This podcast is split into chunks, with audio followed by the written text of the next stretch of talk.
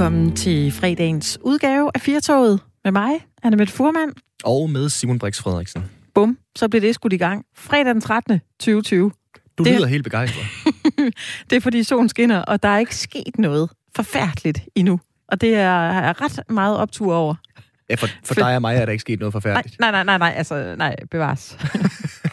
vi holder det lokalt. Inden vi tager alle lytterne med øh, på den. Jeg sad i hvert fald ved siden af en i toget på vej hernede, som ikke virkede til at have det voldsomt godt. Hun øh, havde simpelthen tårer op over øh, ørerne, skulle lige så sige. Hele øh, udbrud af gråd, og det kan man jo se med mundbind, så er det som om øjnene de træder endnu mere frem, og hun havde det saftsus med ikke særlig godt, og så begynder man jo allerede der på sådan en tur fra Aalborg til Aarhus og fabrikere en eller anden livshistorie, når man sidder og kigger ja. lidt over til hende.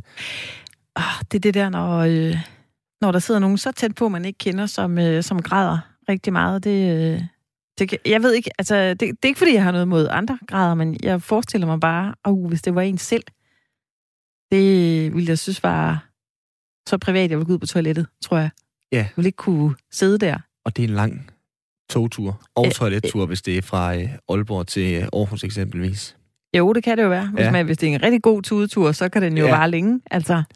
Jamen, jeg ja. tænker også at skulle barrikadere sig Nå, ude ja. på toilettet, så er det min forfængelighed, den træder frem ja. i forhold til noget helt andet. Det synes jeg vil være pinligt også. Udover at jeg øh, skulle tude og så samtidig også have nogen, der måske banker på døren på den anden side af toilettet. Det er rigtigt. Så kunne du gå ud på klapsæderne, hvor man ikke må sidde, men så kunne du sidde der lige og græde af, måske ja. inden, og så må man fatte sig. Nå. Vi krydser fingre for, at det ikke var alt for slemt, men det jeg mente med fredag den 13. 2020, det er jo på det her øh, vanvittige, uheldige år, vi kan godt kalde det et lortår. Ja, lad os sagt. bare gøre det. Øh, der kunne det godt have været en lortedag i dag, hvis man er overtroisk. Øh, men altså indtil videre vil jeg sige, og solen skinner lige nu. Det er ikke en mørkegrå november. Tror du, det vender nu? Det gør det. Jeg er sikker på, at det vender. Vi skal snakke vacciner også i den her time, oh, og ja. den kan vi jo håbe på, at det bliver en positiv nyhed til fredag den 13. Ej. Jeg tænker på alle måder, så er det her en mulighed for at sende alle vores lyttere derude på øh, Firtoget på en rigtig, rigtig god weekend. Ja, det er jo det store spørgsmål. Vaccinen. Mm. Det er jo nærmest ligesom i uh, Lego The Movie, hvor de uh, jagter den her lim. altså kongen af det her lim, der, skal, der ikke må lime alle klodserne sammen, fordi så uh, kan de ikke bygge sig selv om og sådan noget. Det er jo vaccinen, den står bare som uh, nærmest sådan en planet, man kigger op efter i, yeah. uh, i rummet og tænker, hvad arbejder de på deroppe? Kan de ikke snart blive færdige? Men det kan Jamen, de jo tør ikke. man tro på det? Altså, jeg, mm ved ikke, om det er mit sindelag, eller om jeg er så meget anderledes end alle mulige andre derude der, men jeg tør ikke rigtig tro på, at den er på vej. Altså, så snart jeg hører ordet vaccine, så ser jeg en eller anden øh, fatamorganer ude i horisonten af festival og øh, fadølskrus, der ligger på gulvet, og solen, der skinner ind og så videre der. Men jeg tør ikke rigtig række ud efter den.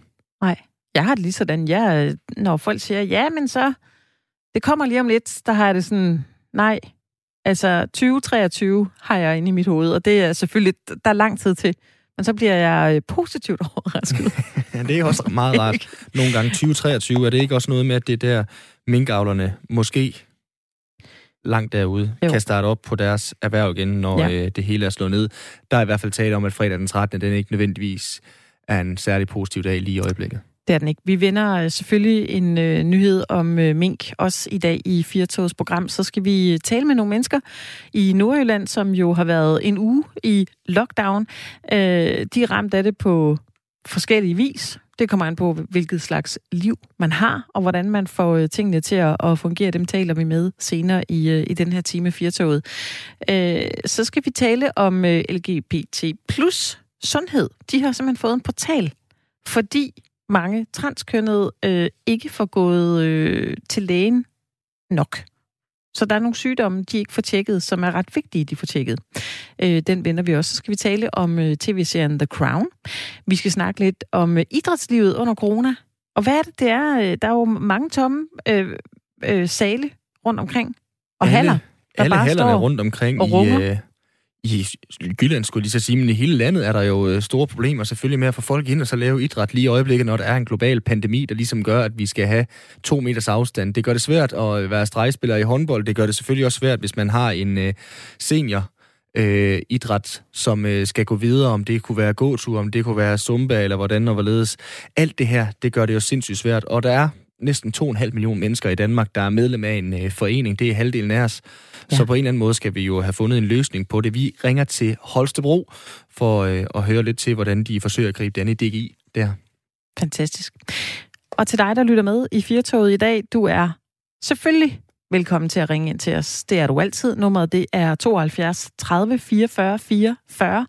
Hvis du har lyst til at spørge om noget, eller melde ind med noget, del noget med os, hvis der er noget, du er utilfreds med, eller noget, du øh, simpelthen ikke kan få armene ned over. Det kunne være, at du gik og gemte på en god fredagsnyhed, vi skal høre her inde i programmet. Så er du velkommen til at ringe 72 30 44 44. Du kan også sende os en sms. Skriv R4 til at starte med, og så beskeden, og den sender du til 1424.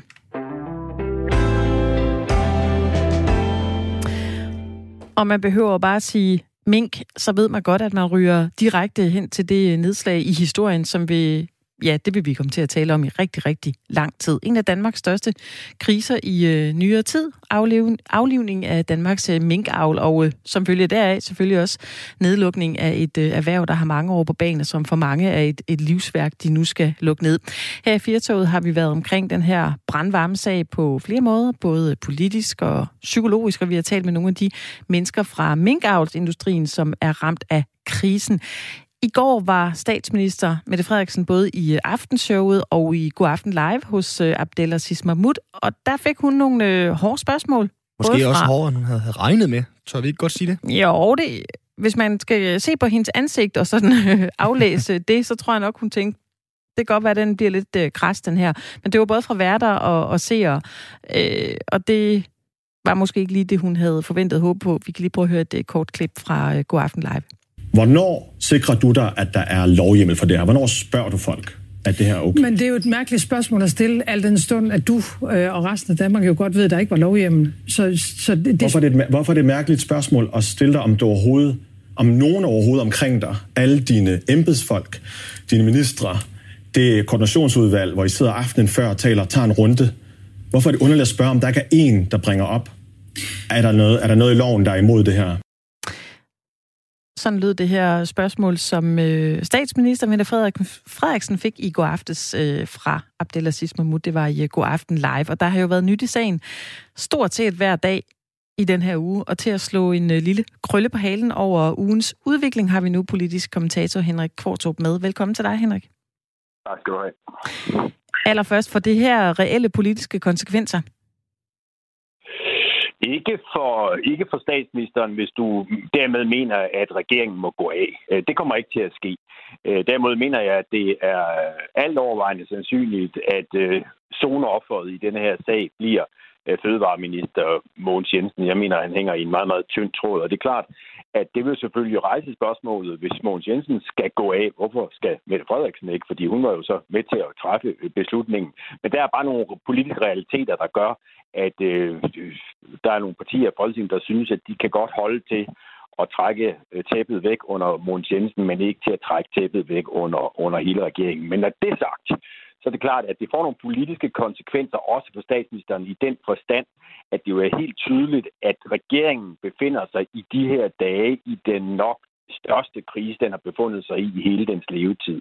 At det er som om, at, at den der mag- corona-magi, kunne man måske næsten sige, der har omgivet statsministeren, den stille og roligt er ved at fordufte. Og, og øh, der er selvfølgelig nogle die-hard øh, socialdemokratiske supporter derude, der synes, at alt, hvad Mette Frederiksen gør, er underligt. Men hvis man ser bort fra det, så tror jeg at stadig flere tænker, ah, hvad er det, vi har gang i her? En, en, en statsminister, der må erkende, at der ikke er lovgrundlag til noget så vidtgående som at gå ind øh, på folks ejendom og ødelægge et helt erhverv. Altså, vi, vi er tilmeldt ude i en situation, hvor politiet møder op hos folk, hvor militæret, livgarden møder op, øh, uden at der er et lovgrundlag. Altså, undskyld mig, det er jo sådan noget, man plejer at høre om i, i, i, i diktaturstater. Det kunne være Venezuela, men jeg tror, mange synes, skal det også være i Danmark. Og derfor står øh, øh, regeringen i en meget, meget alvorlig situation. Men Henrik, hvorfor er det, så stor en øh, katastrofe for øh, ikke kun Mogens Jensen, men også for øh, Mette Frederiksen? Det her, du siger selv, at han kan blive et soningsoffer, øh, fødevareminister Mogens Jensen. Men hvordan kan Mette Frederiksen gå fri i den her sammenhæng? Du har sagt, at øh, der er nærmest været lidt coronamagi. Hvordan kan hun gå fri i den her sammenhæng, når hun har øh, omgået loven? Jamen altså, hun, når jeg siger gå fri, så skal du forstå det på den rigtige måde. Hun, hun kommer til at, at, at, at at betale en pris af min klare vurdering i forhold til vælgerne. Altså, der, jeg, jeg gætter på, at der, der er nok den, nogen, der støttede hende i foråret, som ikke længere vil støtte hende. Så det er jo selvfølgelig også en pris at betale. Men hvis du med en politisk pris betaler, at der er nogen, der vil øh, fremsætte en mistillidsvotum til regeringen, så er, så er, så er øh, den, de realiteterne på Christiansborg bare sådan, at det, øh, det kommer ikke til at ske. Øh, men men, men, men øh, alvoren er betydelig, og det er klart, at når Mette Frederiksen synes, at den her sag er overordentligt ubehagelig, så er det fordi, at, at i det øjeblik, Mogens Jensen må gå, så vil rigtig mange stå og sige, det kan godt være, at de får noget ud af det, men der er rigtig mange, som vil stå og sige, Mette Frederiksen, det var jo din egen beslutning, den er truffet i dit eget koordinationsudvalg, din egen departementschef sad med ved bordet, hvorfor undersøgte de ikke, om der var et, et, et lovgrundlag her? Og derfor er statsministerens øh, bestræbelser i de her dage at få diskussionen tilbage på det, som hun synes bør være sporet, nemlig sundhedssporet. Hun vil gerne give den i rollen som den, der dybest set bare gerne vil passe på os alle sammen. Sikre, at vi ikke bliver ramt af, en, af, af corona. Øh, og så kan det godt være, at hun har begået en fejl her. Vi kender jo alle sammen til at begå fejl, vil melodien lyde. Og det er selvfølgelig beklageligt, men der er et, et højere formål, og det er at passe på os alle sammen. Det er det spor, som Mette Frederiksen gerne vil have den her diskussion tilbage på. Problemet i den sammenhæng er bare, at hvis der havde været tale om en Altså, hvis, hvis, hvis risikoen var, hvis man ikke slog de der mink ned inden for to dage, så ville øh, det halve af Danmarks befolkning blive ramt af byllepest. Nå, men så tror jeg jo nok, at der ville være en vis forståelse for, at det skulle gå hurtigt. Men, men, men efterhånden, som dagene er gået, er det jo også som om, at det argument for, at der skulle handles så hurtigt, det er forsvundet. Altså, men Frederiksen henviser til sundhedsmyndighederne, men, men ekspert efter ekspert siger, at, at, at, at øh, myndighederne har, regeringen har overreageret, at det, det, det smager af panik. Så, så, så, så selv det fine blad er der ikke rigtig længere. Der er ikke nogen begrundelse for, at det skulle gå så hurtigt. Og dermed er vi så tilbage til det, det her jo dybest set handler om. En regering, der vil nogen sige, øh, have, øh, tænker så magtfuldkommen, at den, den, den end ikke overvejer, om den har lovgrundlaget på plads til at gå ind og, og tage folks ejendom, fjerne folks levebrød, og det er derfor, det er en alvorlig sag. Og nu er vi jo så heldige at have dig med, Henrik, og du kan jo ligesom øh, udlægge noget af teksten. Altså, hun var jo klar til både at komme forbi TV2 og DR i går i de her, skal vi kalde dem, lidt blødere journalistiske øh, programmer. Og det er der jo mange, der tænkte, nå, nu skal hun bare ind og hygge sig lidt øh, med det Frederiksen, og så øh, frelægge sig lidt ansvar. Det her, øh, de her to interviews, hun måtte give i går, altså, har det reddet noget for hende, eller tværtimod? Nej, jeg skal bare erkende, at da jeg hørte, at hun øh, skulle i først i går Aften Danmark og så i Aftenshowet, så tænkte jeg, here we go again. Nu skal hun ind og hælde vand ud af ørerne og fortælle, hvordan hun vil passe på os alle sammen. Og så er der, så er der en god stemning i studiet, der vil nok ikke blive stillet synderligt mange kritiske spørgsmål. Jeg må så også øh, erkende, at der tog jeg fejl. Øh, jeg synes både øh, Abdelaziz Mahmoud på God Aften Danmark og de to øh, studieværter på Aftenshowet gjorde det fortræffeligt. Og det var jo helt tydeligt, på statsministeren, at hun havde forventet øh, at blive strøget noget mere med hårene, end, end hun blev. Og når øh, I spiller lige det der lille klip med, fra, fra på Aften i Danmark, hvor, hvor, hvor Mette Frederiksen siger, at det var da et mærkeligt spørgsmål. Jeg er bare nødt til at sige, at det spørgsmål, som Abdel Aziz Mahmoud stiller, det er 100% relevant. Altså, det går jo på, hvorfor spurgte du ikke ind til lovgrundlaget, altså, og, og hvornår gjorde du det? Hvis ikke det er relevant at, at bede om en forklaring på, at landets statsminister ikke sikrer sig, at der er lovmæssig baggrund for at gå ind og ødelægge folks levebrød, så, så ved jeg ikke, hvad der er et godt journalistisk spørgsmål. Så, så, så, så jeg må sige, at øh, både på Aftenshowet og, og, og på Godaften Danmark, der gjorde kollegerne deres arbejde. Det var super gode interviews, og, og statsministeren måtte i aftes erkende, at den der fest, hvor hun kunne øh, gå ind i øh, de der feel programmer og lægge hovedet på sned og, og få folkelig opbakning, at den fest ser ud til at være slut. Og der må jeg da bare som, som, som, som, som, journalist øh, sige, at det, det synes jeg er godt, at det er sådan, at den mm. fest sluttede der. Martin Krasnik, han, øh, han skriver også, den afgørende værdi i håndteringen af corona er befolkningens og erhvervslivets tillid til regeringen. Den har statsministeren sat over styr på få dage det er ikke helt åbenlyst, hvordan øh, hun kan vinde den tilbage. Har du et bud på det, Henrik Kortrup? Kan den vindes tilbage? Øh, det, det, det, jeg er enig med Krasnik. Jeg synes, det er en fortræffelig leder, han har skrevet, og, og det bliver svært. Øh, men, men som jeg var lidt inde på før, så, så vil, øh, tror jeg, øvelsen bestå i at, at forsøge at forklare danskerne, at det har tjent et større formål, nemlig at passe på os alle sammen, øh, skærmer os mod en, en, en stor sundhedsfare, Øh, Øhm, og, og, og det, det, det var jo det, der, der, der gav øh, Mette Frederiksen så stor popularitet for nogle måneder siden, at hun øh, uantastet kunne stå som den, der sikrede, at Danmark ikke blev hårdt ramt af, af coronaen, og det gav hende jo en kæmpe folkelig popularitet, stor opbakning ud blandt, blandt danskerne. Øh, og og der, der er den helt nøgterne analyse jo, at den, øh, den opbakning er ved at forsvinde. Der er kommet tal i dag, der viser, at, at opbakningen til øh, regeringens coronahåndtering er øh, er, er styrtdykket, og det er selvfølgelig øh, noget, man ser med stor alvor på i regeringen, fordi øh, så noget har det med at være, være selvforstærkende. Ligesom populariteten kom hurtigt, øh, Øh, så kan øh, det modsatte altså også øh, komme øh, ganske, ganske hurtigt, øh, og, og, og dermed kan det blive en selvforstærkende øh, effekt. Og, og jeg tror, at der er rigtig mange i regeringen, og ikke mindst statsministeren selv, der, der er klar over, at øh, det er inden for de næste uger, at øh, det viser, om det her bare er en, en, en forbigående krise, eller om det virkelig har sat sig, om, om der er kommet en tillidskrise mellem øh, med Frederiksen og befolkningen, og hvis den bliver stærkere og vokser så stor, øh, så øh, kan det godt være, at tingene ser meget mere åbent ud i dansk politik, end vi havde troet for, for bare få måneder siden. Altså, Mette Frederiksen er jo tidligere justitsminister, og nu har hun øh, gjort noget uden øh, den fornødne lovhjemmel som, som statsminister. Samtidig så har hun hele tiden øh, slået på, at det her det handler om folkesundheden for hele mm. Danmark. Altså, det argument kan jo, kan jo lyde en anelse hult nu. Øh, hvis du skulle sidde som øh, spindoktor for øh, regeringen, hvad for et argument skulle fremlægges for, at øh, tilliden den kan vindes tilbage? det, det, det, det er jo en af de opgaver, man vil tage sig godt betalt for, fordi den er godt nok svær. Øh, nå jo, men fordi hvis, hvis, hvis argumentet kunne være, hør her, vi erkender, det var en kæmpe fejl. Øh, det burde vi ikke have gjort det her, men I er nødt til at forstå, at vi stod over for en sundhedskrise, som var så monumental, at hvis vi ikke havde gjort det her, så ville vi alle sammen mere eller mindre være i, i, i risikozonen. Så ville, tror jeg, ville det være nemmere. Men, men, men det er kombinationen af, at det viser, at regeringen ikke havde loven på sin side, og så at ekspert efter ekspert siger, så var de mink altså heller ikke farligere end som så. Altså det er den kombination, der er giftig, giftig mm. øh, for regeringen. Vi talte med øh, en minkavler i går i programmet, og øh, han sagde, at han vil tage det her hele vejen til retten for at få sin fulde, fulde erstatning. Øh, hvor gode eller dårlige kort har regeringen på hånden i forhold til det her juridiske efterspil, som vi jo må forvente kommer? Ja, altså det, det skal du nok spørge en, en, en jurist om. Altså det, det, det er jeg jo ikke sådan super ekspert på, men, men, men den overordnet vil jeg sige, at øh, regeringen har problemer nok i forvejen i den her sag, og derfor tror jeg ikke, at den er interesseret i, at det skal hedde sig, at øh, man i det mindste ikke sørger for at kompensere øh, de her minkavlere, og derfor tror jeg, at den vil, den vil strække sig, sig langt. Omvendt er det jo nok også sådan, at oppositionen øh, lugter jo øh, politisk blød nu, og derfor vil de presse regeringen rigtig meget på, at øh, minkavlerne skal have, øh, skal, skal have en, en, en kompensation, som er, som er øh, til at forstå, og som, som øh, kan erstatte det, de har tabt. Ikke? Øh, så jeg synes, det er svært at sige præcis, hvor, det, hvor den ender, men, men der skal nok komme et eller andet. Men, men det er jo egentlig heller ikke der, den principielle diskussion bør ligge.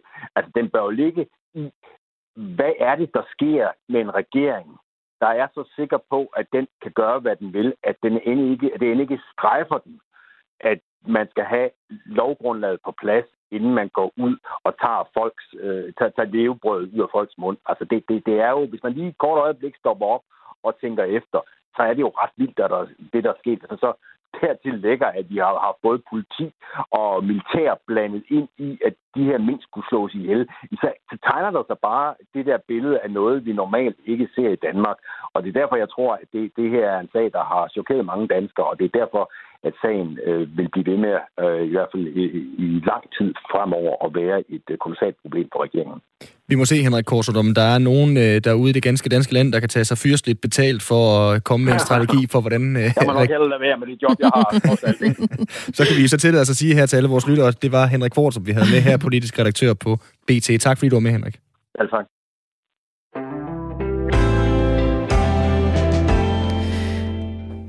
Kan vide, hvad der, kan vide, hvad der ligger af min historie mandag morgen. Det har jeg svært ved at se nu, skulle jeg lige så sige. Jeg kan vide, hvad min historie der ligger bare om et øh, par timer. Jeg kan ja. se, der er indkaldt til et øh, pressemøde her kl. 18, hvor øh, ja. forskellige øh, prominente herrer og kvinder, de vil være med og give en update på situationen i Nordjylland.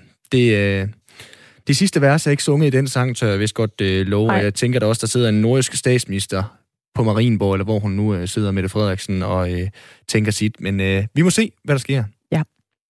Vi skal en tur til øh, Holstebro. Det skal vi Fordi der, der bor der en dame, der hedder Birte. Det gør der nemlig. Og hun øh, er meget aktiv i øh, Holstebro og i idrætslivet i øh, Holstebro. Og øh, på den måde er hun jo en blandt rigtig, rigtig mange af os. Der er flere end 2,3 millioner personer i Danmark, som er medlem af en idrætsforening. Det er øh, det højeste antal nogensinde, da øh, DGI og DIF de, øh, gjorde den opgørelse her i øh, starten af året. Men, men, men, så kom der jo lige den her pandemi og tog noget af glæden ved at svede og ved at smile og ved at hygge fra os. Og det var sådan set, hvad enten man var i gang med sit første parti, eller man var i gang med en tredje halvleg. Og om det er seniorbadminton eller om det er børnegymnastik, så har coronakrisen altså desværre betydet, at uligheden i, hvem der dyrker idræt, er vokset. De laveste uddannelses aktivitetsniveau, det er ifølge DGI faldet med 40 procent. Derfor så afholdte DGI og Bevæg Bevæger for Livets 27 kommuner i går et online-møde for, øh, hvordan hulen skal vi lige holde os i gang, både fysisk og socialt her hen over en vinter med både lukkede haller og øh, corona-afstand. Birte Ale, velkommen til. Tak skal du have. Hos jer, der har I noget aktiv torsdag i øh, Holstebro, som måske ikke længere er så aktiv, fordi øh, coronaen spiller ind. Hvordan knækker I den kode? Jamen, vi blev slået tilbage først med 100, og så med 50, og så med 10. Så tænkte vi, nu skulle der, der ske et eller andet. Så øh, vi blev enige om, at vi ville lave en gågruppe og en cykelgruppe. Øh, for de der, de var jo helt skør med at skulle afsted ud og mødes og have det sociale. Så øh, hver tirsdag, der er kl. 10, der mødes vi til øh, cykel- og gågrupper, så deler vi os i 10, og så sender vi den første gruppe afsted, og så 10 igen. Cykelgruppen starter et sted, og gågruppen starter et andet sted. Dem, der kommer til, til de her øh, arrangementer, det øh, er jo nogen, der er i risikogruppen. Jeg skal nok lade være med at kalde den gamle, men det er, det er jo seniorer, det er ældre, og øh, hvor vigtigt er det ligesom for dem, at, at de har noget idræt, som øh, du kan være med til at lave øh, til et samlingspunkt for dem? Jamen for dem er det, øh, det er selvfølgelig er det motion, de kommer for, men det er også det sociale i det. Altså de er, øh, og de er meget bevidste om, at man skal holde sig i gang, og, og man skal passe på hinanden. Det er de også fantastisk til. Altså vi behøver ikke at fortælle dem hver gang, pas nu på hinanden og det der. De, de er, dem, der kommer, det er dem, der vil det, og dem, der ved, at, at man skal passe på hinanden. Så det er, det er, man kan mærke, at øh, de er ligesom løver i et bur for at komme afsted. Altså, du var jo lidt inde på det lige før, Birte. Altså, I er gået fra, fra 160 personer til nogle arrangementer. Ja. Det er jo i sagens natur uh, umuligt lige i øjeblikket. Uh, ja, så derfor helt, ja. er I langt færre, og det, det, det bliver nogle andre typer udfoldelser. Så kan du prøve at forklare lidt mere om, hvad det er, I gør til de lyttere, som måske ikke lige uh, er med på jeres gå- og cykelture? Jamen, vi har sagt, at hvis man har lyst til det her, så kan man uh, sende sit eller ringe og, og aflevere sit mobilnummer eller mailadresse, og så om mandagen uh, så får de besked om, at vi for eksempel mødes øh, ved, øh, ved øh, TV MidtVest for cykelgruppen kl. 10 den efterfølgende tirsdag, altså dagen efter. Og så mødes vi der kl. 10, og når de første 10, så har jeg planlagt en rute. Så når de første 10 er der, så sender vi dem afsted. Og så når der er 10 mere, så kommer næste gruppe afsted. Og så cykler man i det tempo, og der er aldrig nogen, der bliver overladt til sig selv. Altså, vi, vi, vi følger sig 10 og 10 som der er en, en, en fortrop og en bagtrop i hver gruppe. Og det samme gør man ved, ved gåsgruppen, at de får også en sms på, hvor uh, de skal mødes. Uh, og så går de en 3-4 kilometer hver, hver mm. tirsdag. Men Birte, hvis ikke I gør noget for den her gruppe mennesker, hvor meget kan du så frygte corona-ensomhed? Men jeg tror da stadigvæk, at det, det, det kan blive hårdt, når vi skal, vi rykker, vi skal rykke ind igen. Altså, fordi hvis nu vi siger, lad os sige det hvis vi siger, at der er 50, der kommer her, jeg tror, vi har navn på 60 forskellige, men, men, men de, hvad med de sidste 100? Altså, jeg tror, det vil være noget, inden de tør og, og måske at komme til indendørs aktivitet igen. Det kan jeg godt frygte lidt. Der tror jeg virkelig, vi har en kæmpe opgave. Men hvis vi så lige skal tage de øh, positive briller på, hvad, hvad synes ja. du så, I er, er lykkedes med hos jer? Jamen, altså, jeg synes, det, det her det er helt fantastisk. Altså, den stemning, der er, og og øh, kodhed, øh, altså det her, det er virkelig noget, de, de ser op til, det her sociale fællesskab, samtidig med, at vi motionerer komme ud i den friske luft. Og, fordi dem, der kommer, det er jo dem, der vil det. Altså, de er, og der er også kommet en helt ny, som slet ikke var med til aktiv torsdag. Det er jo endnu bedre for os. Fordi så har vi, nu har vi jo fat i dem også.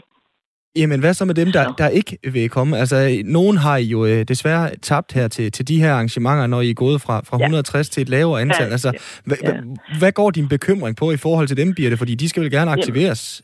Jamen, jeg tænker, at øh, det måske godt kan vare lidt inden... Altså, jeg tænker, når vi åbner aviser og, og, og nyheder, altså tv, altså, det er, det er sådan en skrækscenarie, det hele. Den der, altså, vi skal have det vendt til noget positivt, at, at det er helt okay at komme. Altså, for her, der passer vi på hinanden, og jeg tror, det kan godt vare lidt inden... Øh, jeg tror, det er måske helt hen til næste sæson. Øh, altså, vi starter til september.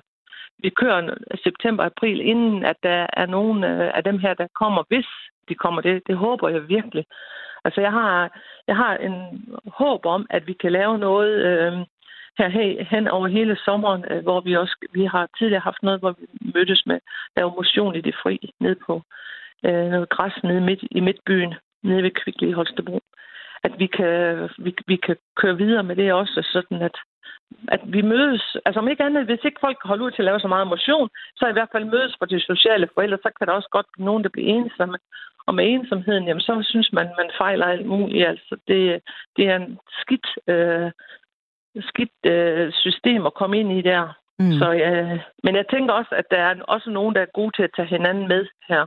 Altså det, det bliver også for alle dem, der er friske og raske og, og tør det, gå hen og sige til nogle af dem, de kender, der, der plejer at være med. Mm. Nu er vi begyndt igen. Nu skal du med. Jeg synes, de passer godt på hinanden og er gode til at hjælpe hinanden. Det, øh, det er da det vigtigste det da, lige nu. At man er, altså at man kommer ud med, at man stadigvæk øh, passer på hinanden, selvfølgelig. Ja, øh, lige her til sidst, hvor vigtigt mm. er idræts- og foreningslivet her midt i en øh, coronatid, synes du? Jeg synes, det er, det er mere end 200 procent vigtigt. Det er, det er der, at folk de, de får fællesskabet og, og tænker på andet end, end, end sygdom og, og, og, og hvor farligt det er, virusen er. Altså, jeg, jeg tænker, at, øh, at vi kan gøre noget med den der, få den der positive indstilling til igen at, og, og mødes, og at, at vi skal passe på hinanden, men også, at vi har ansvar for os selv at komme ud og røre os. For vi møder jo også nogen, fra aktiv torsdag, når vi cykler og går, der selv går to og to, heldigvis. Mm. Og når man møder dem nede, og man er nede og handle eller noget, skal vi ikke snart i gang igen. Vi er klar. Og... Men der er jo nogen, der ikke bryder sig om at motionere udenfor. Det, det, sådan er det jo også. Mm. Ja. Øh, Birte, hvor meget, hvor meget taler I om det indbyrdes, om det her med, hvor vigtigt det er, og at I passer på hinanden, eller dem, som er lidt ængstlige for at bevæge sig for meget rundt med for mange mennesker i den her tid? Mm, men det, altså, Fylder det meget? Nej, det synes jeg ikke. Det synes jeg ikke, det gør. Altså, jeg, jeg tænkte, altså nu de sidste par gange, der har det jo været det her mink, folk har talt om, fordi vi bor i Vestjylland, ikke? Altså, hvor forfærdeligt det er for minkavlerne. Men det er egentlig ikke den der far for, at vi selv bliver smittet. Det er sådan mere med, at, at man er samfundsmæssigt er nervøs for, hvad det der så skal ske med de mennesker. Øh, og så, øh, jamen altså, jeg synes, vi taler meget lidt om, om virus og sygdom. Jeg synes, det er, det er sådan mere dagligdagen, hvad der sker ud i verden. Og nu har præsidentvalget i USA har jo været meget op, og, og så gasser de hinanden. Og der er altid nogen, der har nogle gode jokes, og sådan, så stemningen er høj. Jeg synes, at det, det fylder heldigvis rigtig lidt i forhold til det, men de er gode til sådan, jeg behøver ikke at sige til dem, pas nu på hinanden, hold nu afstand. Det er slet ikke nødvendigt, fordi det er de meget bevidste om dem, der kommer. Tusind tak, fordi du gad lige at sætte lidt ord på, hvad øh, I render og laver i DGI i Holstebro, Birte Og øh, ja. vi håber, at der er nogen, der kan lære af det, så øh, der kan holdes gang alle. i også i fysikken. Ude ja, i, alle er i hvert fald hjertelig velkommen. Der er plads til rigtig mange. Det er godt, vi lige fik den med, Birte. ja. vi, vi siger det videre her på, ja, det er godt. på radioen. ja, kan du hen for os god fredag? Ja, tak lige måde. Hej. Hej. Sådan kan det lyde, når man øh, har gang i senioridrætten og seniorforeningslivet der. Jeg skal ikke kunne sige, hvor gamle Birte er, eller øh, nogle af de andre, men de kunne måske være omkring de øh, 65, og det er jo ja. ingen alder. Eller hvad tænker du, Anna Nej, det er det da overhovedet ikke, og øh, jeg sad lige og tænkte på, mens vi talte med Birte, hun er jo mere aktiv, end vi er. Altså. Ja, det er rigtigt. Altså, det, øh, jeg får det allerede nu dårligt som vidtighed over, at jeg bare ja. skal sætte mig ind i et tog på vej hjem øh, herfra. Og, Præcis. Øh, ja, mens solen går ned, og øh, det gode vejr, det bare øh, smiler ja. ind til mig. Det, øh, ja. Men 65, det er ingen alder. Det er det i hvert fald ikke, og øh, heller ikke, når man er statsministerens tætteste sundhedsfaglige rådgiver, og man befinder sig midt under en øh, global pandemi.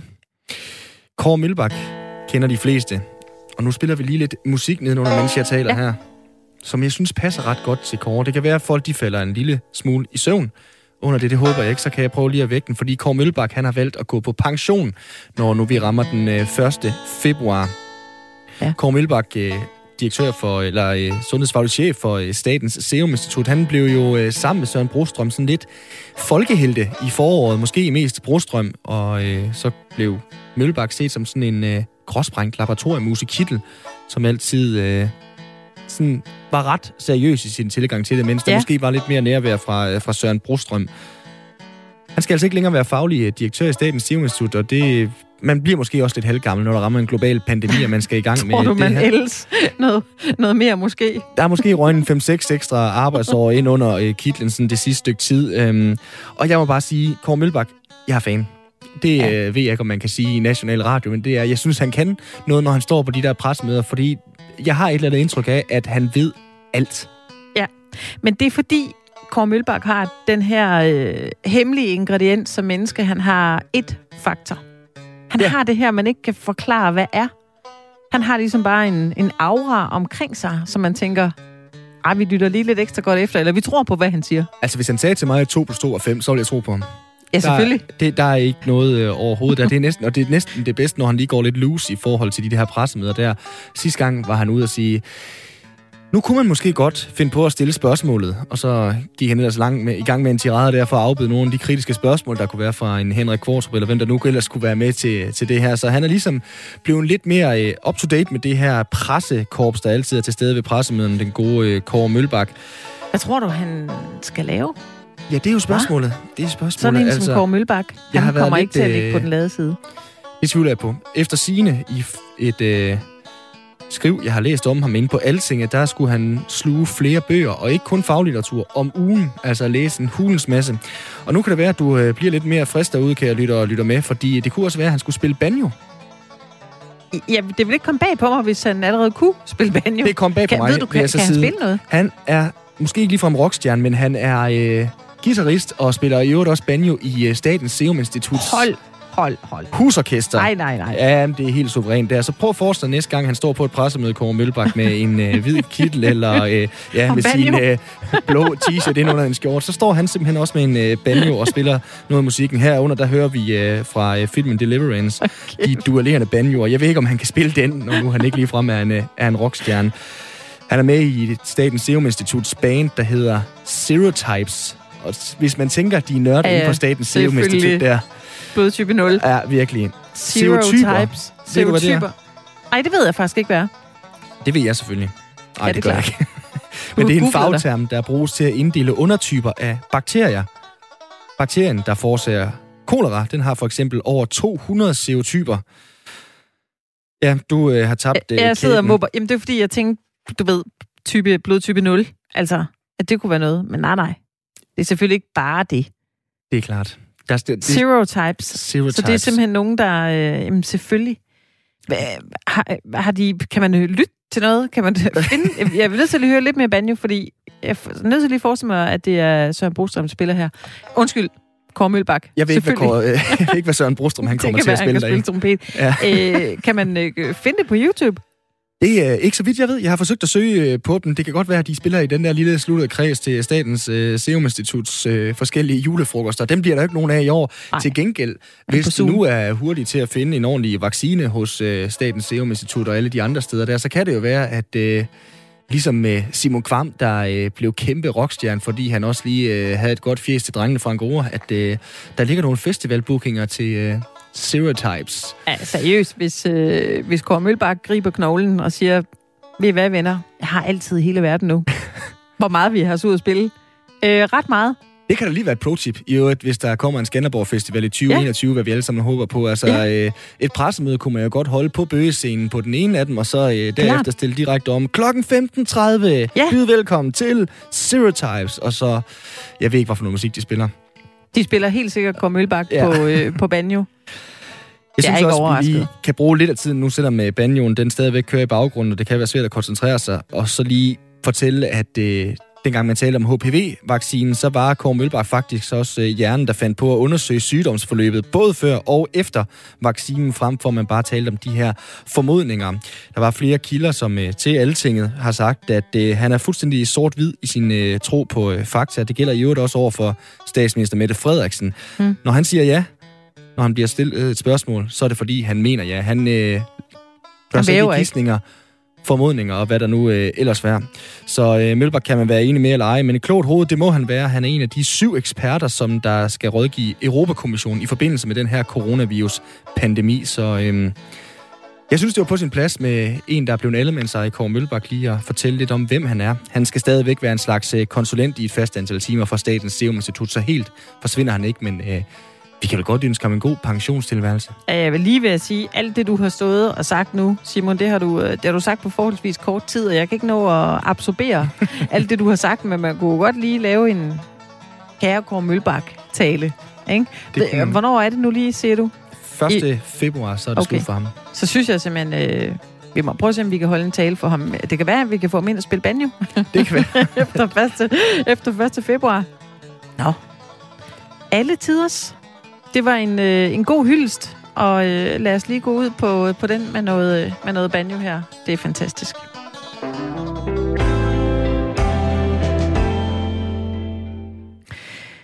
I løbet af ugen, der har man kunne høre nyheden om, at Statens Serum Institut har fået knap to, eller undskyld, 20 millioner til at begynde test af mennesker i øh, forbindelse med den coronavaccine, de øh, arbejder på. Der har også været en nyhed frem om, at det tyske firma, der hedder BioNTech, øh, og den amerikanske medicinalgigant, åh, så kommer vi ud i noget. Det er Pfizer, ikke også? Du har fuldstændig ret. Ja, godt, fint. Øh, de skulle også være tæt på en øh, vaccine mod covid-19. Men hvordan ser det egentlig ud med de øh, nuværende bud på øh, vacciner, og hvor mange er der, og hvor langt fremme er de? Det er jo altså altid det, som øh, vi er så spændte på. Vi talte om det lidt tidligere her, øh, Simon, at det er ligesom den, man går og bare venter på. Kommer den vaccine snart? Og øh, for mit eget vedkommende, så har jeg det sådan, ja, ja. Jeg, jeg ved snart ikke. Jeg vil ikke tro på, at den kommer. Tør vi begejstres? Jeg ved det ikke. Hvad er vi ude i? Jeg, jeg havde selv sådan en 2023. Øh, jeg ved ikke, hvad... Tør du sætte tal på? Overhovedet ikke. Jeg har været Ej simpelthen grofuldt naiv hele vejen igennem. Jeg troede, at der ville komme festivaler tilbage i sommer, og var sikker på, at det var over. Jeg troede, at jeg skulle ud og rejse i sommerferien. Det kom jeg heller ikke, så jeg er ligesom stoppet med at håbe. Lige nu, der øh, satser jeg bare på, at klokken den bliver 16, og der kommer en time to af, af fire tog, så... Øh, det gør der. Der er der helt sikkert ikke kommet en vaccine. Det, øh, det kan vi godt. Øh, men vi kan ikke stå og kloge os om det her, Simon, så derfor så kan vi sige velkommen til dig, Ole Søgaard. Tak. Du er læge med speciale i infektionssygdomme på Aarhus Universitetshospital. Hvor mange seriøse bud er der på vacciner lige nu? Der er heldigvis øh, ret mange seriøse bud på vacciner. Øh, når man udvikler vacciner øh, mod, mod øh, sygdomme, så har man sådan tre faser, når man går i forsøg med mennesker. Fase 1, 2 og 3 hvor 3 er ligesom den sidste fase, før man kan søge om godkendelse øh, og markedsføring af en vaccine. Og som det er lige nu, så er der i hvert fald ni vacciner, der er i fase 3. Det vil sige, at der er faktisk ni forskellige slags vacciner, der er på vej, hvor øh, den, der ser ud til at være mest avanceret, det er en vaccine, som kommer fra øh, medicinalfirmaet Pfizer i, i øh, fællesskab med et lille tysk biotekfirma, øh, der hedder BioNTech. Og hvor øh, begejstret kan vi tillade os at være? Altså, øh, hvor, hvor meget kan vi se ind i en, i en positiv fremtid lige nu? Nu er det godt nok fredag den 13. Ole, men altså, hvor tæt er vi på? Ja, øh, hvor tæt er vi på? Godt spørgsmål. Vi er ret tæt på. Det vi ser skal være begejstret over, det jeg hæfter mig ved, det er den første vaccine, som der kommer ordentlige data på, om, om den beskytter eller ej. Jamen, den ser ud til, at den beskytter i mindst 90 procent af tilfældene mod, mod covid-19. Øhm, og det kan man bruge som pejlemærke for, at hvis, hvis den her første vaccine, øh, den ser ud til at virke, så kommer de næstfølgende vacciner sandsynligvis til at virke øh, nok lige så godt, øh, i hvert fald øh, noget den, den dur. Så jeg synes godt, vi kan tillade os at være, være ret optimistiske. Den her øh, konkurrence om at komme først med en øh, vaccine, hvor du så siger, at Pfizer er, øh, er i føretrøjen lige nu, altså den proces er jo blevet speedet voldsomt op, fordi der er tale om en global pandemi, det er klart. Altså skal vi på nogen måde være bekymret for, at fordi processen er speedet op, at, øh, den så kan have de rette øh, virkninger? man skal i hvert fald øh, være, være meget skarp på, at, at man øh, stadigvæk overholder de krav, der er til, til øh, medicin, som skal gives til mange millioner mennesker. Man kan sige, det er jo vigtigt, at, at vaccinen beskytter mod, mod covid-19. Det, det er jo det primære, man, man er efter. Men i lige så høj grad, så er man også opmærksom på, at der ikke følger nogle bivirkninger med, som, som kan overskygge den her gavnlige effekt, så det ender med, at man får en masse folk, der bliver syge af bivirkninger, øh, i stedet for at blive syge af, af covid-19. Mm. Øh, så det, det er vigtigt, men det er man også opmærksom på, både i EU og i USA og andre steder. Man kan sige, at der er selvfølgelig lande, hvor sikkerhed øh, måske træder lidt i baggrunden, at man kan øh, kigge til Rusland eller til Kina, hvor de øh, officielt i hvert fald har sagt, at de har godkendt vacciner, en i Rusland øh, og hvis to i Kina. Øh, men de her vacciner, de er jo ikke afprøvet til en standard, som nogensinde vil føre til godkendelse i et vestligt land. Men hvad så med konkurrencen? Fordi der går vel også noget, noget konkurrencen i den her, og, eller undskyld, konkurrence i den om at øh, komme først, eller, eller hvor ligger den hen? Jo, det er klart. Øh, det er jo hyperkompetitivt det her, øh, fordi man kan sige, at, at dem, der kommer først, de har jo en mulighed for at komme ind og dominere markedet tidligere og komme ud med deres vaccine, før der er nogen som helst konkurrence. Lige nu så har vi jo ingen vacciner. Det vil sige, når den første er tilgængelig, så vil det være den, som alle beder om. Så jo, altså der er jo en, en stor førstpris til dem, der kommer først. Samtidig kan man også sige, at det handler jo ikke kun om at komme først. Det handler jo faktisk også om at kunne levere den her vaccine ud til, til de mange, mange millioner eller milliarder, der, der står og venter på den. Øh, så det hjælper ikke noget, at man så kommer ud med som den første, man kun kan levere vacciner til en, en meget lille promille af dem, der egentlig har brug for det.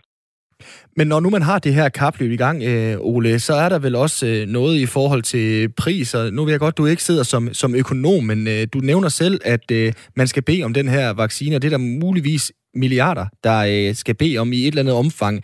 Hvor, øh, hvor meget skal vi frygte, at øh, den kommer til at koste, øh, jeg får nu at sige det mildt, det hvide øjnene? Jamen, øh, altså, der er jo en, et, der kommer jo til at være en ufattelig stor efterspørgsel, især her øh, de kommende måneder på at, at blive vaccineret. Øh, så, så prissætningen kunne nemt blive høj. Heldigvis så har øh, både øh, EU og øh, USA og andre regeringer gået ind og støttet den her vaccineudviklingsproces direkte, og det, det er meget utraditionelt. Det plejer man ikke at gøre. Man plejer ligesom at lade medicinalfirmaen selv afholde de her omkostninger, og så når man har et, et færdigt produkt, der er godkendt, jamen så betaler man for det produkt. Her er man simpelthen gået ind og betalt for udviklingen. Det betyder også, at prissætningen bliver lavere, fordi at regeringen har allerede gået ind og støttet den her proces. Så selvfølgelig kommer vaccinen til at koste, men altså i takt med, at der kommer flere vacciner øh, på markedet, jamen så falder prisen også, og prisen bliver ikke tårnhøj, fordi der er aftalt en pris for mange millioner doser vacciner allerede. Og hvor kilder Statens Serum Instituts øh, bud på en vaccine sig så ind i, i den her sammenhæng? De har lige fået nævnt det før, øh, små 20 millioner, 18,8 millioner til, til at være med. Er det for at være med i det her øh, kapløb, eller, eller hvor kilder de så ligesom ind henne? Altså, det er jo sådan, at, at der er jo nogen, som er øh, mere end et hestehoved foran her. Altså, der er jo kæmpe store firmaer, som sagt, og, og firmaer, der er støttet øh, med, med milliarder øh, fra forskellige regeringer, som er meget, meget tæt på at have, have vacciner, der, øh, der måske kan blive markedsført inden for, for det næste halve års tid. Og her kommer Serum Instituttets vaccine selvfølgelig øh, noget øh, fra baghjul, fordi de skal først til at lave øh, deres første kliniske forsøg med mennesker øh, svarende til et, et fase 1-studie. De skal jo stadigvæk op og lave fase 3-studie øh, også på et tidspunkt, før de kan komme til at konkurrere med de andre vacciner. Så de kommer jo øh, til at være et stykke bagud øh, i forhold til, til mange andre øh, vacciner. Det er sådan i alt at over 100 vacciner, øh, eller omkring ja, godt 100 vacciner, som, som allerede er i klinisk brug, så de, de kommer til at være i konkurrence med de her 100 andre vacciner. Nu kan jeg ikke lade være med at spørge her, Ole, om, om du ligesom kan tage os ind i, i værkstedet på, hvor den hulen man udvikler en øh, vaccine. Du øh, snakker om øh, fase 3, og, og det har vi hørt, at øh, den her øh, vaccine fra Pfizer nu er, er inde i. Men hvordan arbejder man med at lave en vaccine, og især lige nu til en global pandemi? Altså, det har været helt uhørt, så hurtigt man har øh, fået fremstillet vacciner øh, mod, mod SARS-CoV-2, eller det, den virus, som, som giver covid-19. Øh, og det er jo fordi, som, som jeg også er inde på, at det har været en verdensomspændende epidemi, som, som det er øh, mere end 100 år siden, vi har set noget lignende sidst. Øh, det, man gør sådan rent teknisk, det er, at lige så snart den her virus, den, den blev øh, identificeret i Kina, og der kom data på, der viste, hvordan ser afmateriale ud på den her virus, så identificerer man øh, de steder i, i virus, hvor man tænkte, her er virus lidt svagt. Det er det her, vi kalder spike-proteiner, altså nogle dutter, der stikker ud på overfladen af virus, som, som man ved fra tidligere andre coronavirus, at, at det her virus svag. Her kan man angribe virus med antistoffer. Og ud fra, fra det afmateriale, altså DNA og RNA, som, som man øh, havde fra, fra det her virus, jamen, så har man udviklet øh, vacciner specifikt mod det her spike, og det er det her spike-protein, som, øh, som stort set alle vaccinerne er rettet mod, øh, og det, altså, det er den vej igennem, som vaccinerne bliver udviklet. Tak skal du have for øh, den oplysning, Ole Søgaard, læge med speciale i infektionssygdomme på Aarhus Universitetshospital. Kan du have en øh, fortsat god dag? Tak lige imod. Jeg blev i hvert fald klogere. Ja. Og det øh, kunne jeg måske også trænge til. Jeg bliver ved med at kalde det en global øh, pandemi, og det er der heldigvis nogle af vores venlige lyttere, der har øh, gjort opmærksom på, at det er øh, dobbeltkonfekt. Man siger heller ikke en rund cirkel eller en klog mand, så øh, jeg blev blevet klogere, og jeg fik lige et smil på læben. Fra nu af, så kalder jeg det enten øh, en øh, pandemi eller en øh, verdensomspændende sygdom. Skal vi ikke aftale det? Jo, den er noteret herfra. Vi skal til Nordjylland igen. Altså, vi har godt nok været meget i Nordjylland i, øh, i den her uge af 80 år. Det har vi jo, fordi der er lockdown. Det at siges, altså. og det er jo ikke bare øh, lockdown i hele Nordjylland. Jeg er så heldig, jeg må tøffe fra Aalborg så hernede for at sende. Men øh, for syv nætter siden, der vågnede nordjyder på Læsø, i Frederikshavn, Jørgen, Brønderslev, Javnbugt, ja. sydover Limfjorden til Vesthimmerland og helt ud mod vest i Tisted op til en ny nedlukket virkelighed for mange danskere. Så var 11. marts en øh, ret ja. skældsættende dag, og for de her syv kommuner, der var nedlukningerne om muligt endnu mere restriktive, når vi øh, sådan kigger bredt set på det. Kommunegrænserne de blev simpelthen lukket, kritisk arbejdende, de øh, måtte godt rejse over kommunegrænserne, men ellers så skulle man altså blive hjemme. Hvis vi skal tegne nogle øh, streger rundt på øh, kortene, så betyder det helt grundlæggende, at hvis man bor i Brønderslev, og man har en øh, datter, der måske går i skole i Jørgen, i Vrå, i Jørgen Kommune, så øh, kan man ikke se sin datter i øh, fire uger. Det er øh, tilfældet for dig, øh, Thomas Møller Svendingsen. Din datter, hun øh, bor hos øh, din ekskone. Du ser ikke din øh, datter de næste fire uger. Hvordan er den første uge gået, Thomas? Jeg må sige, at, at det, er gået, det er gået stille og roligt. Altså, vi har snakket sammen over, over mobilen, og vi har snappet til hinanden, og, og sådan noget, så det er faktisk gået fint nok. Og for dig selv, så står du øh, ned øh, foran og skal have en øh, operation. Endelig har du øh, fortalt på mandag, den øh, kan foretages i Farsø, som ligger ned i den også ramte Vesthimmerland Kommune. På vejen derned, så skal du forbi øh, Aalborg, som øh, du så reelt ikke må øh, bevæge dig ind i det. Hvordan er det at holde styr på hele den her, øh, hvad skal man sige, tirade af forskellige regler og øh, ting, du skal overholde? Det er svært. Det er rigtig, rigtig svært at finde ud af, hvad, hvad restriktioner er der, og og er der nogle lempelser, eller er der nogle stramninger, eller... Så, så det er da svært. Men der, man kan jo kun følge med i radioen og, og i fjernsynet og se, hvad der, hvad der, hvad der sker på, på området. Mm. Hvordan er din øh, sidste uge gået? Altså, hvordan, hvordan har du det? Jo, jeg har det fint. Jeg har det godt, og, og vi har vi har da vendet os til restriktionerne, vil jeg sige. Øh, og, og alt det, man ikke må, og alt det, man har planlagt, det må man så bare lave om, mm. til vi... gang vi får åbnet op igen. Vi har set nogle øh, forskellige billeder, blandt andet på, øh, på Instagram, hvordan folk i Nordjylland sidder ved hver sin side af, af byskiltet eller kommunegrænsen, og sidder på nogle klapstole med, med kaffe og, og sidder og strikker. er det ja. noget, du har gjort dig i, sådan at mødes med din datter på afstand? Nej, det er det ikke. Øh, ikke andet end vi har, vi har, vi har snakket sammen og, og, og skrevet til hinanden over snappen øh, i den her uge. Nu, nu kan jeg høre, du er sådan en, en dejlig sindig nordjyde, Thomas. Altså den her seneste uge, hvor der virkelig er skruet op for restriktionerne i lige præcis din kommune, Brønderslev, og de her seks andre kommuner. Altså, hvor svær har den været i forhold til den nedlukning, vi så tilbage 11. marts? Altså, jeg synes, at den, den er sværere, den her, øh, kan man sige. Øh, fordi vi har jo også noget, noget familie i, i andre kommuner, som specielt min, min mindste søn på seks gerne vil besøge sin bedstefar. Men, men, men det har vi jo så valgt at sige, at ham er vi, dem er vi nødt til at passe lidt på. Så, så det bliver ikke nu. Og hvordan tager han det, din seksårige? Han er ked af det. Øh, det er han da, og jeg må da sige, han er nok også den, der, der er mest præget af, af alt det her corona-snak. Mm. Kan han, For han ser- forstå det? Sådan. Ja, det kan han, det kan han faktisk godt. Øh, men, men, men det er svært for ham stadigvæk at forstå, fordi der er jo ikke ret langt op til bedstefar. Det er jo bare lige 10 minutter i bilen, så er vi der faktisk. Nu Og sagde han du, ser jo ikke kommunegrænsen. nej, nu sagde du selv lige før, at den første uge egentlig var, var gået okay, men, men hvor lang tid føler du, der er ind til, til 3. december? Der er lang tid. det er der. Ja. Det, det, det må jeg sige. Det synes jeg. Øh, og håber der på, at der måske kunne komme nogle lempring, lemp, lempelser her, inden Ja. vi når så langt. Har I, har I hørt noget om det? Nej, det har vi ikke. Øh, ikke andet end, at, at borgmesteren har, har snakket godt for det med statsministeren øh, på en videomøde, de har haft, kunne jeg høre på ham på Facebook. Men når du så kigger... vi må håbe, hun har lyttet. Men når du kigger rundt, Thomas, også i, i din egen omgangskreds, nu er det selvfølgelig, øh, ja, det er, jo, det er jo en længere historie i forhold til, til din familie, når du har en, en datter i øh, den ene kommune og en, en seksårig knæk, der gerne vil se sine bedsteforældre. Altså, h- hvordan tager nordjyderne i de ramte kommuner det her? Altså, øh, er I meget nordjyske omkring det, hvis jeg må øh, tillade mig at sige det, eller hvordan bliver det taget? Jo, jeg tror at de fleste de tager det stille og roligt og tænker, at, at det overlever vi også.